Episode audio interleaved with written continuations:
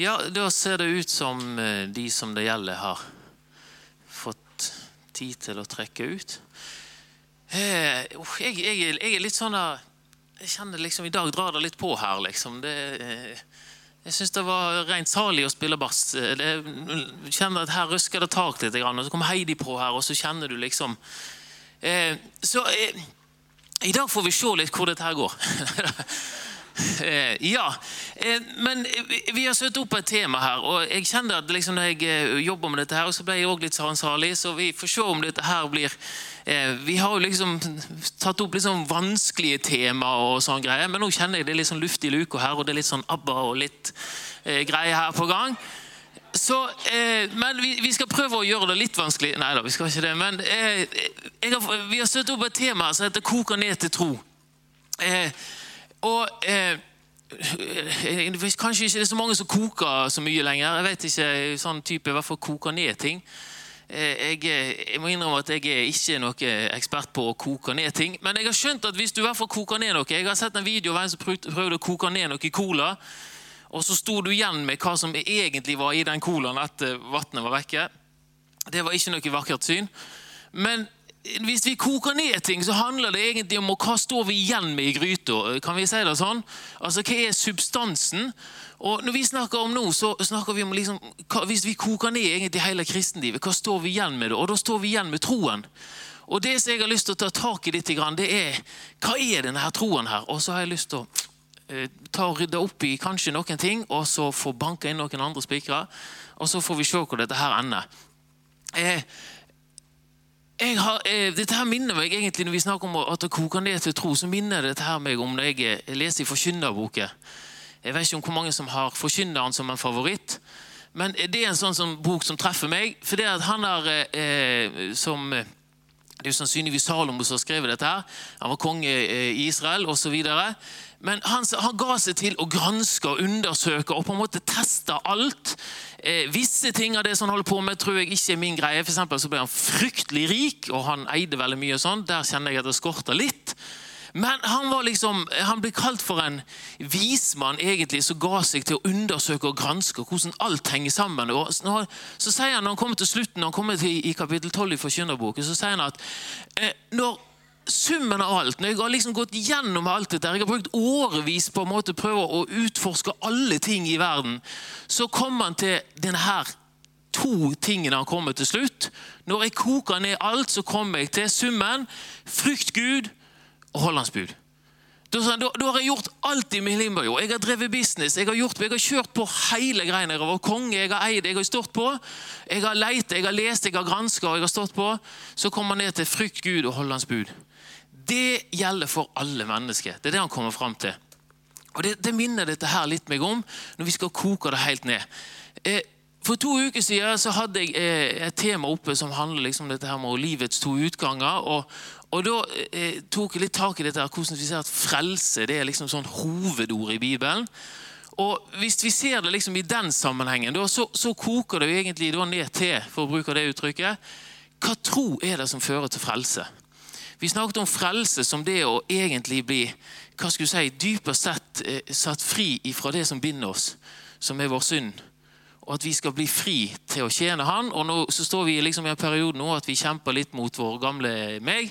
Men så skal vi en gang så skal vi oppleve at vi får lagt av og det endelige liksom menneskelige. Og så skal vi få et nytt legeme, og så skal vi være sammen med Han. Og så er det ingen tårer og ingen sorg og eh, god stemning. Så, men vi har en sånn mellomfase. Og så har jeg lyst til å begynne, og her kommer den vanskelige biten. Jeg har lyst til å begynne med et sånt bibelvers som jeg vet det er mange som jeg i hvert fall har snakket med opp igjen, og så liksom syns det er litt sånn skummelt. Så da går vi rett i Jakobs brev, for der sier han eh, Hva hjelper det søsken om noen sier han at han har tro, når han ikke har gjerninger? Kan vel troen frelse han? Og Der er det mange som begynner å skjelve i knærne. Uh, dette er skummelt. Jakob liker ikke Paulus, og så begynner masse sånne diskusjoner. Men her er det vi skal begynne. Eller egentlig så det står i en annen oversettelse. Kan vel en sånn tro frelse han? Kan vel en slik tro frelse han? Det som jeg tror Jakob holder på med her eh, Her er det tydelig at han tar tak i et problem til de som skriver oss. Eh, som Jeg skal komme liksom tilbake til det, at, men det, det, virker som om man sier at her er det skjedd noe der troa har flytta opp i hodet og mer eller mindre vekk fra hendene og hjertet. Altså, Her er skjedd et eller annet her som gjør at eh, troen er blitt liksom litt sånn intellektuell. Og det skal jeg se litt på. Fordi at eh, Og nå kommer liksom litt nerden inn her, da, det får dere leve med. Men eh, hvis vi ser på historien, så ser vi at eh, sånn eh, fra 500-tallet før Kristus og framover Etter, eh, etter israelsfolket har vært i fangenskap i Babylon, så skjer det en liten sånn dreining i jødene sin tilnærming til tro. Eh, din, nå har de jo det skriftet de har liggende i British Museum i London, så de holder på å forske på og greier, der de finner masse ut om denne tida i Babylon og sånne ting. I denne eksilperioden så, så er det ting som tyder på at eh, da begynte dette her med at de begynte med sånn felles tekststudie. De begynte å studere tekstene. I denne fasen her så begynner Romerriket å vokse fram. Eh, Atene i ferd med å nærme seg sin storhetstid. Og vi ser at i denne perioden her så begynner det å vokse fram mye sånn eh, hva skal du si, skrifter, lover osv. som handler litt om å ta kontroll over folk. Altså, Man begynner å komme med religiøse skrifter som handler om å få styr på mennesket. Det ser vi liksom preger denne perioden her. Og det som vi ser her, det er at i denne perioden her så utvikler det seg hva skulle du si, litt sånn skole av forståelse av loven. Så vokser liksom disse her forskjellige partiene fram, med sadukeer og fariseer og sånne ting. Og så begynner det å flytte seg litt sånn at eh, mer enn at det handler om et sånn helhjertig forhold til en sånn overgivelse til Gud, så handler det om å ha riktig oppfatning av Eller egentlig å være riktig med de forskjellige skriftlærde sin tolkning av loven. Er vi med på at Det skjer en sånn liten dreining. Altså, Hodet har alltid vært med, men nå begynner vi å havne litt mer sånn at den intellektuelle delen, altså det at du har forstått ting riktig, det begynner å dominere. Og så ser vi når Jesus kommer på banen, og så tar han liksom et skikkelig sånn oppgjør med disse tingene. her. Vi ser Paulus begynne å ta et oppgjør med det. Altså, disse her forskjellige grupperingene så har han tanke om at vår oppfatning er riktig. Og det som det handler om, det er at du må holde det som vi sier, for sant. Jeg med på at Vi har en sånn forskyvning her. Og når vi kommer videre inn i dette her, eh, så ser vi at eh, vi begynner å bevege oss over i det som jeg vil kalle for en lovisk tro. Der det handler om å på en måte være eh, Hva skal vi kalle det? Altså Vi ser at vi kan kalle det for altså en sånn bokstavtroskap. Der at hvis jeg har oppfatta det riktig, og står på det og holder på det, så begynner livet mitt, ikke hvordan jeg lever, er ikke så avgjørende. Det er mer sånn Teller vi skritt, hvor mange skritt vi går på sabbaten? Eh, eh, holder vi liksom at Nei, da skal vi ikke liksom gjøre noe som helst. Ja, men Så kommer Jesus. ja, men Hvis naboen din har en okse som har ramla i grøfta, og det er sabbat, skal du ikke hjelpe oksen opp? Og så begynner, eh, Sammen har han liksom sånne uttrykk for tid. Så bare, What?! Det hører vi i gangen over hele tida. Liksom, og det er litt sånn som Jesus kom inn i bildet. Inn i disse her liksom bokstavtro, loviskhetstro, bokstavforståelse-greiene. Så kommer Jesus inn og sier What?! Dere er jo ikke på nett med det som er Guds hjerte. Dere er opptatt av å ha liksom en riktig forståelse av disse tingene. Og så må man legge seg til disse her, og blir det en gransking, ikke for å leve, men for å parkere de andre. For å slå de andre i hjel. Og så, ser vi, så begynner vi å rote inn liksom, liksom greske tanker. Nå har liksom Alex Dansander den store kommet på banen, og dette fra Makedonia. og Gresk kultur begynner å spre seg, som òg en sånn intellektuell type tanke. Og så ser vi dette begynner å prege hvordan man tilnærmer seg troen. Og dette er interessant. Og nå, nå begynner jeg liksom å, å dra på litt her. Fordi at har vi arva litt av dette her. At vi holder på å granske og lete. Ikke fordi at liksom først og fremst at det skal tale til meg, men jeg skal liksom avgjøre hvordan de andre ligger an. Er dere med på tanken? Den der arven har vi litt sånn ufrivillig med oss. Og så vi kan se opp gjennom kirkehistorien at det handler om sant? Ja, nei, Nå må vi liksom sitte på plass litt hvordan de andre er, og hvordan det skal tolkes. Nå må vi få kontroll, og så begynner vi å få en sånn ordning her der kongen liksom ja, Investiturskriden, og så krangler de om hvem skal bestemme over kirka, masse sånn greier. Men vi har en sånn kontrollstyring-greie. Der Jesus kommer og sier at 'jeg går bare for å sette fri'. Jeg kommer for å sette dere fri. Og så sier han rett og slett bokstaven slår i hjel. Og det at er vi med på at loven er god, men du kan holde på å bruke den på en måte som gjør at du slår folk i hjel. Vi har også fått fantastiske skrifter som kan brukes til å sette mennesker fri og lede det inn i en levende relasjon til Gud, men de kan også brukes til å slå i hjel og skape avstand. Og Det er det fantastiske her når vi skal komme videre. For hvis vi nå leser i Jakobs brev her og det, Nå leser jeg i en oversettelse jeg har der. så eh, Da sier Jakob Hva hjelper det søsken om noen sier han har tro? Jeg må drikke litt, for jeg hører smatte. Nå går det unna her, vet du. sant? Ja. Hva hjelper det søsken om noen sier han har tro, når han ikke har gjerninger. Kan vel troen frelse han? Sett at en bror eller søster ikke har klær eller mangler mat for dagen, og en av dere sier til dem, gå i fred og hold dere varme og spis dere mette. Gud velsigne deg, dette går nok bra. Ja, hva hjelper det dersom dere ikke gir dem det kroppen trenger? Slik er det òg med troen. I seg selv uten gjerninger er han død. Kanskje noen vil si du har tro, jeg har gjerninger. Ja, Vis meg din tro uten gjerninger, så vil jeg ut fra de gjerningene jeg gjør, vise deg min tro. Du tror at Gud er én. Det gjør du rett i. Også de onde åndene tror det og skjelver. Du tankeløse menneske, vil du ikke innse at uten tro, nei, unnskyld, tro uten gjerninger er til ingen nytte?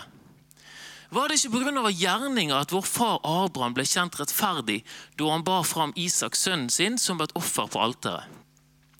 Slik kan du se at troen virker sammen med gjerningene hans, og gjennom gjerningene ble troen fullendt. dermed ble dette skriftordet oppfylt. Abraham trodde Gud, og derfor regner Gud han som rettferdig. Og han ble kalt Guds venn.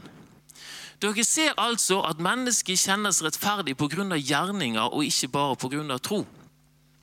Hva er dette her? Og nå er det vi kommer inn på. For dette her er, nå liksom kjenner noen at oh, nå må jeg gjøre gjerninger for å komme på riktig plass. Det fantastiske med det som eh, Jakob underviser, og det henger helt i tråd med det som Paulus underviser, det han sier at troen, den troen som Gud tenner, det er der vi skal lande til slutt, den gjør noe med deg den forandrer deg. Du blir en ny skapning i Kristus, og det vokser noe fram. Så vi skal slutte der. Men det som man tar tak i, det er at disse her gjerningene de kan vi ikke gjøre for å bli rettferdiggjort. Men den troen, det som Gud tenner i deg, det vil føre til at du blir forandra. Vi blir forvandla ved at sin, vårt sinn blir fornyet osv. Så, videre. så det som når vi kommer over i Abrahams tro, det må vi se litt på her i Galaterbrevet. For det er når Noen som aner når var dette her at Gud kom og gir løftet til Abraham? Når skjer det, sett i forhold til noe vi snakket om lovisk tro? Sånn røftlig 400 år før loven kommer inn i det hele tatt, kommer Gud til Abraham. Og så har vi, jeg hatt et sånt bilde liksom, Å, fryktelig eh, eh, eh, dette her med eh, Gud kommer til Abraham og liksom sånn, ja, du skal ofre Isak. Oh, hva er dette her for noe? Jeg tror at Gud smilte i sitt hjerte der han går til Abraham og så sier han, nå skal du ofre Isak. For Gud visste at Abraham trodde og tenkte i sitt hjerte at ja, hvis Gud vil at jeg skal ofre en sønn, er jammer meg i stand til å reise han opp igjen òg. Det visste Gud. Så kommer Gud til Isak og sier nå skal du ofre din eneste sønn til meg. Ok, sier han. Og så sier Gud stopp. Og så ordner han alt det andre greiene. Og så sier han at det som du gjorde nå, Abraham Den naive tilliten du viser til meg, det setter jeg som din rettferdighet. Og gjennom deg så skal alle folkeslag, alle mennesker velsignes. Gjennom denne troen så skal hele verden bli velsigna. Og når vi kommer da til galaterne, her i kapittel 3, så står det det er som med Abraham. Han trodde Gud, og det ble regnet til rettferdighet. Derfor skal dere vite at de, eh, de som har tro, er Abrahams barn. Eh, da Skriften forutså at det var ved tro Gud rettferdiggjør hedningene, forkynte han på forhånd dette eh, evangelium for Abraham, at i deg skal alle folk velsignes. Så blir da de som har tro, velsignet med den troende Abraham. Og Så hopper jeg til, til vers 16. Men løftet ble gitt til Abraham og hans ett han sier ikke alltid i det ettlinga, altså i flertall, som om det gjelder mange. Men han sier det gjelder én, og din ett, det er Kristus. Så sier han at denne her, dette løftet som er gitt til Abraham, at alle skal velsignes, det gjelder én person, og det gjelder Jesus Kristus. Så sier han at denne Abrahams tro, det er troen på Jesus Kristus, og den får vi ta del i. Og denne troen til forskjell fra en lovisk tro som handler om at jeg i hodet mitt skal ha et riktig bilde av Gud, og vi kan begynne å diskutere om det er på den måten eller den måten. eller på den måten. Denne troa her er planta som noe som begynner å brenne i hjertet. Noe, vi må skille mellom hodet og liksom, Hvis vi tenker at vi kan begynne å krangle om eller krangle, eller diskutere og stå på, det kan vi gjerne gjøre sånn, på et sånt fint plan. Men hvis vi sier at 'jeg har oppfattet Gud riktig', og du må være enig med min oppfatning Hvis det er der eh, diskusjonen står, når Bibelen sier at Gud er utenfor deres hjernes fatteevne Dere forstår alle stykkevis og delt. Dere har ikke sjanse til å fatte Gud i deres visdom. Og så er det det vi gir oss til. Så ser vi at den troen som kommer inn her, med Abraham, det er et hjertets tillit til Gud uten at jeg helt skjønner hvordan han fungerer. Og i den troa så handler det ikke om rettroenhet. Da handler det om at her er det plass for å være usikker. Abraham han får liksom Ja, du skal få en sønn med Sara. Ja, men hun funker jo ikke, for å si det sånn. Der er det jo sløkna. Og jeg funker jo ikke. Det er jo Ja. Her funker det heller ikke. Og I denne usikkerheten så ser jeg rundt og så må vi liksom finne en løsning her. Og så kommer Sara. ja, Vi får ta henne tjenestekona. Da greier sant? Nei, kona, tjenestekvinna. Og så får vi gang på noe greier der. Og så ser vi. Abraham han er usikker, vet ikke hvordan dette her skal funke, men han har en naiv tillit til Gud. og Gud skal i hvert fall gjøre dette. her. Han har liksom en sånn jeg aner ikke hvordan Gud skal få det til, men han skal gjøre et eller annet. Så kommer David, sant? en mann etter Guds hjerte. Så bommer han, og så stikker han av med eh, kona til, til Batseba, til han eh, ja, krigersjefen. Glem hva han heter. Eh, takk skal du ha. Sant? Og så kommer Moses og sier ja, men jeg kan jo ikke snakke. jeg har jo ikke peiling. Det er masse rom for menneskelig svakhet i Abrahams tro. Som vi ikke liksom finner rundt i den rette troende, liksom, der vi er på jakt etter å parkere de andre sin tro. Den loviske troen. Og så ser du fantastisk med David, sant? som kommer i Salme 139. Så sier han Gud, ransak mitt hjerte og mine tanker, og se om jeg er på, på evighetens vei. Ta så, Gud, Sett lyset på, og sjekk om ting er på plass sånn som det skal være. Og det er det rom til i denne herre Abrahams tro. Men det som var kjernen i den troen, det er at Gud, jeg ønsker å gjøre det som er rett. Jeg ønsker å gjøre det som er din vilje. Man har ikke liksom en tanke om at jeg skal få, få, få liksom bare folk til å bli enig med en forståelse av lover og bud. Men jeg har en brann etter hjertet. Gud, jeg veit ikke helt veien. Jeg aner ikke hvordan jeg skal gjøre det. Jeg veit ikke helt hvor jeg skal gå. Men jeg ønsker å gjøre din vilje. Og der har vi kjernen i Abrahams tro. Det er et ønske om å leve til Guds behag. Ikke å løfte seg etter håret eller på en måte løpe i ring for å prøve å få dette til etter hva andre forteller jeg skal gjøre. Men innenfor Gud så sier Gud, hjelp meg. Ransak mine hjerter og mine tanker.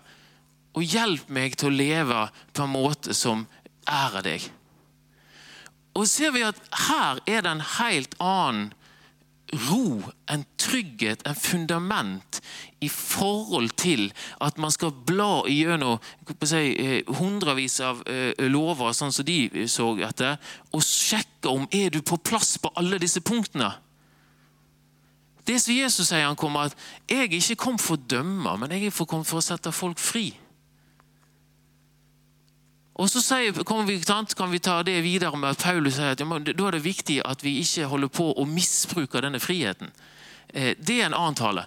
Men i dette perspektivet Jeg satt og snakket litt eh, med Elise her for et par dager siden.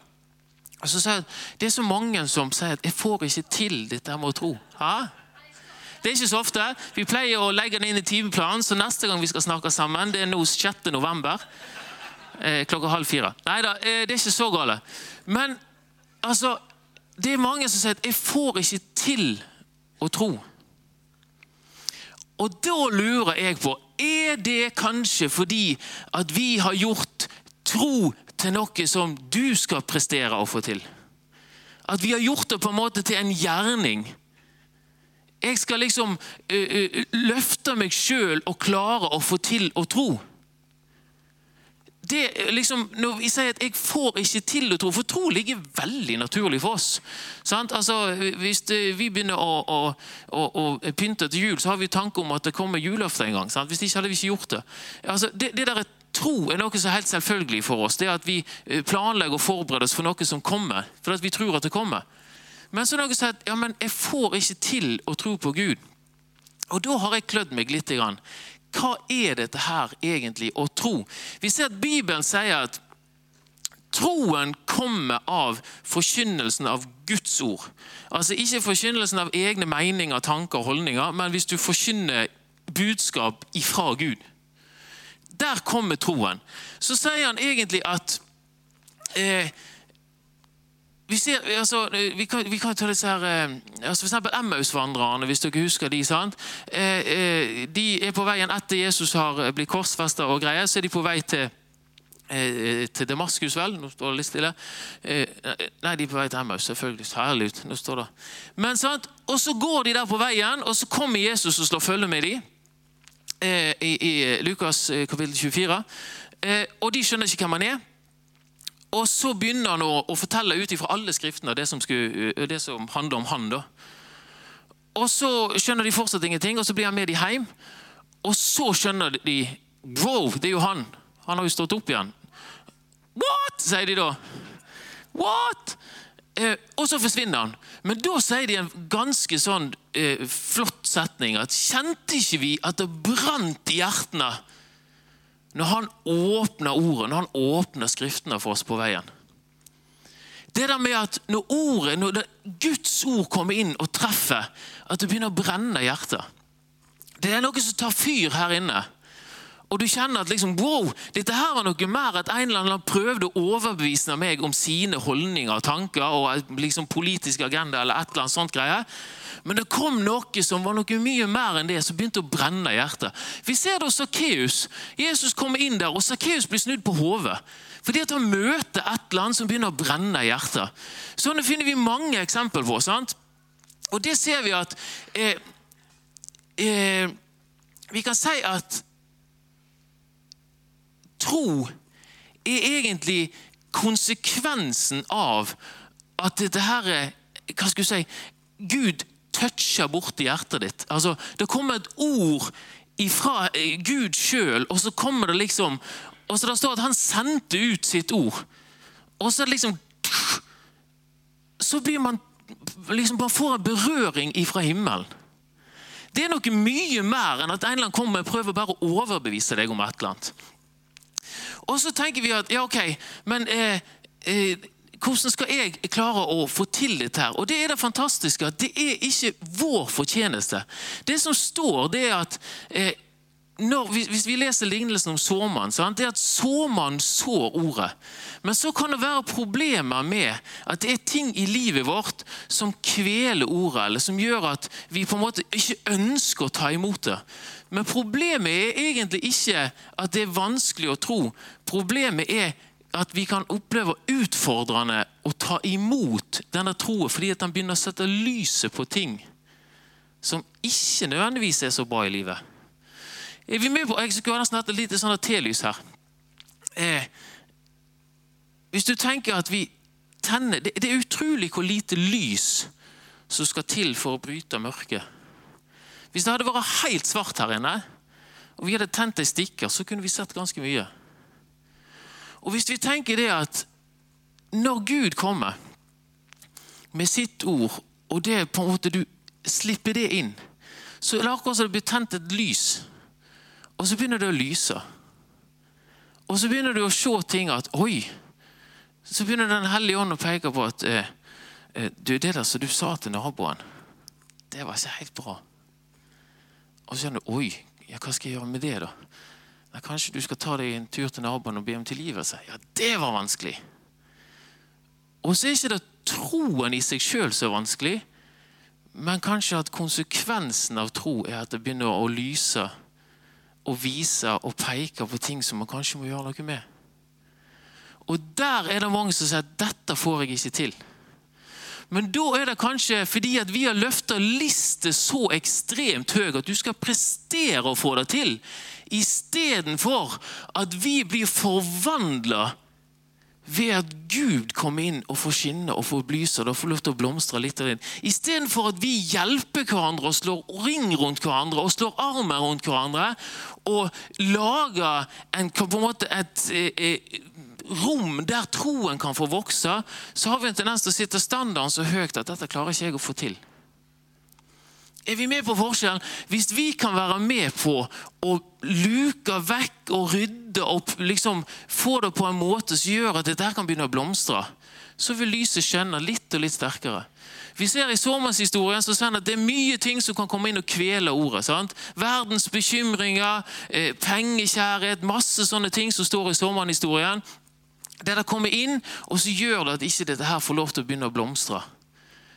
Men kanskje vi kan være der for hverandre og for de som vi måtte møte, og lage et rom for at dette handler ikke om hva du skal få til. Det handler egentlig bare om å slippe Han til og gi slipp på de tingene som lyset begynner å skinne på. Det, da er det ikke vanskelig å tro. Det er bare å si at Gud, jeg trenger din hjelp. Jeg ser at dette her er vanskelig for meg. Gud, kan du hjelpe meg med dette her som jeg syns er vanskelig? Og hjelp meg til å ta ett steg om gangen og slippe disse tingene her. Hjelp meg å tilgi. Hjelp meg å slutte å, å, å si eh, eh, et eller annet sleivete kommentarer på jobb. Hjelp meg å se hvis det er mennesker som blir såra med måten jeg oppfører meg på. Og hjelp meg å legge det av. Så da ser vi at dette her med eh, tro Det begynner vi å flytte vekk ifra en sånn prestasjonsgreie til noe som Gud gjør. I, i Efeserne 2 eh, så står det at for nå, av nåde er dere frelst ved tro. Det er ikke deres eget verk, men det er Guds gave. Det hviler ikke på gjerninger for at ingen skal skryte av seg sjøl. For vi er Hans verk, skapt i Kristus Jesus til gode gjerninger. Så Gud på forhånd lagt ferdig for at vi skal vandre i de. Så han flytter alt. Tro og konsekvensene av tro, gjerninger man som man gjør, ser han at alt dette her starter hos Kristus. Det står at Kristus er troens opphavsmann og fullender. Og Hvis vi kjøper den tanken, hva er det da som skjer? Hva er dette ordet som kommer? Står i Johannes brev at ordet ble kjød og tok bolig blant oss. Hvem er dette ordet? Grekerne visste hvem det var, for de snakket om logos hele tida. De sier at det ordet, Guds ord som er talt, det ble menneske. Og det skjønte grekerne. Oh, sier du det? For de snakket om logos hele tida. Det er liksom det som står bak alle ting. Så kommer Paulus og sier at det som dere snakker om, det er blitt menneske Jesus Kristus. Oi, er det det? Og så når ordet da kommer og treffer Maria her, og tar fyr der inne, hva er det egentlig som skjer da? Det er jo Jesus sjøl som flytter inn. Det er Den hellige ånd som kommer inn og begynner å virke. Og så setter han lyset på. Så troen er ikke noe jeg får til, men det er det jeg sier at ok, jeg tar imot deg, Jesus. Og så er det han som begynner å jobbe. I Frinsio er det ikke noe jeg får til intellektuelt, men la han få peke på de tingene som måtte være av, av, utfordrende for meg å ta tak i. Og så sa han ja, men hvis du slipper ned ditt eget Kom til meg, du som sliter tungt å bære og ikke får dette til. La meg ta ditt åk, og så følger du meg.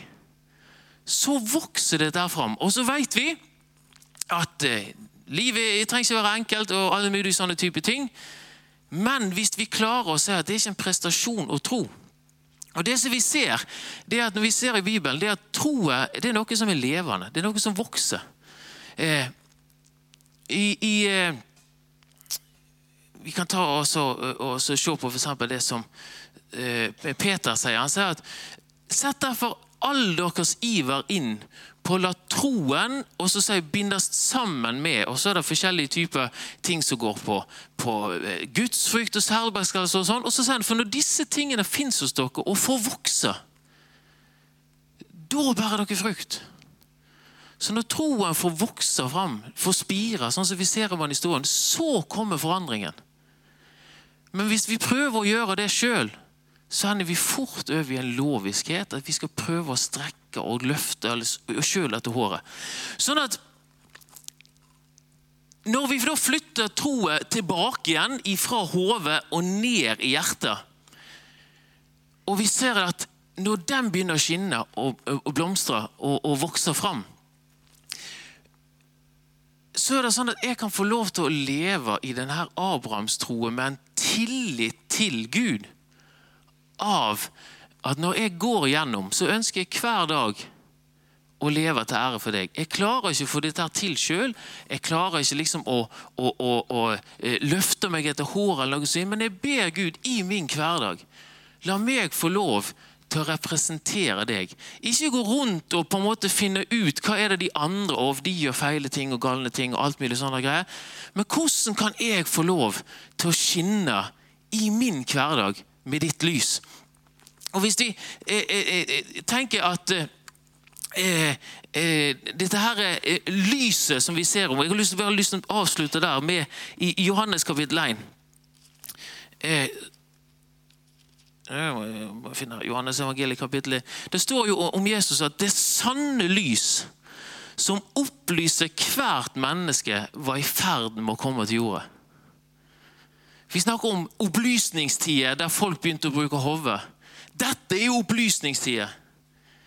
Når Jesus kommer inn og begynner å skinne, og begynner å løfte opp Sånn at eh, hvis Jeg skal lese også her fra, fra eh, Korinterne kapittel 6 så sier, sier Paulus at for som Gud sa, la lyset stråle fram for mørket. Eh, nei, unnskyld. Eh, for Gud som sa, lys skal stråle fram for mørket, han har også latt lyset skinne i våre hjerter. Når vi da koker det ned til tro, hva koker vi det egentlig ned til? Vi koker det ned til at vi tør å legge ned vårt eget og la Han få ta plassen istedenfor oss sjøl. Dette her er sånn som vi kanskje av og til opplever. Hvordan verden skal jeg eh, få gjøre det? Hvordan skal jeg få dette her til? Eh, eh, hva skal jeg liksom hva, må jeg gjøre for å få liksom, dette her til? Og Da syns jeg det er fantastisk å se på Abraham og Abrahams tro, som vi er en arving av, det at han rett og slett sier at jeg forstår ikke hvordan jeg skal få det til, men jeg går i en barnslig tillit av at du kan lede meg inn i det som du vil jeg skal gjøre. Nå følger Abraham hele tiden. Kom, gå denne veien. Han leder han ut av byen. Men jeg vet ikke hvor jeg skal. Nei, men bare gå, du. Og Klarer vi å leve der, så kan det hende at noe av denne her, eh, skuldrene for at ja, men jeg får jo ikke dette til, jeg er ikke god nok. Vi har et sånt prestasjonssamfunn. Eh, jeg hørte nå på TV-en senest i går at eh, de begynner å jobbe med disse her prestasjonsstress-tingene ned til seks år gamle unger. Må Gud hjelpe oss at ikke menigheten og fellesskapet blir en plass der vi opplever prestasjonspress eller stress. Eller at vi skal, Må vi få lov til å være en plass der folk blir satt fri til å senke skuldrene og kan være akkurat så god og så sterk som de er. For Jesus sier at 'det er mitt verk'. Dere er en ny skapning i meg. Og det er jeg som kommer til å forvandle disse her tingene etter hvert som jeg setter lyset på. Og Nå har jeg bare lyst til å gjøre en sånn greie. Er dere med på et lite sånn spill her? Eh, til slutt, Jeg må bare sette den her for meg.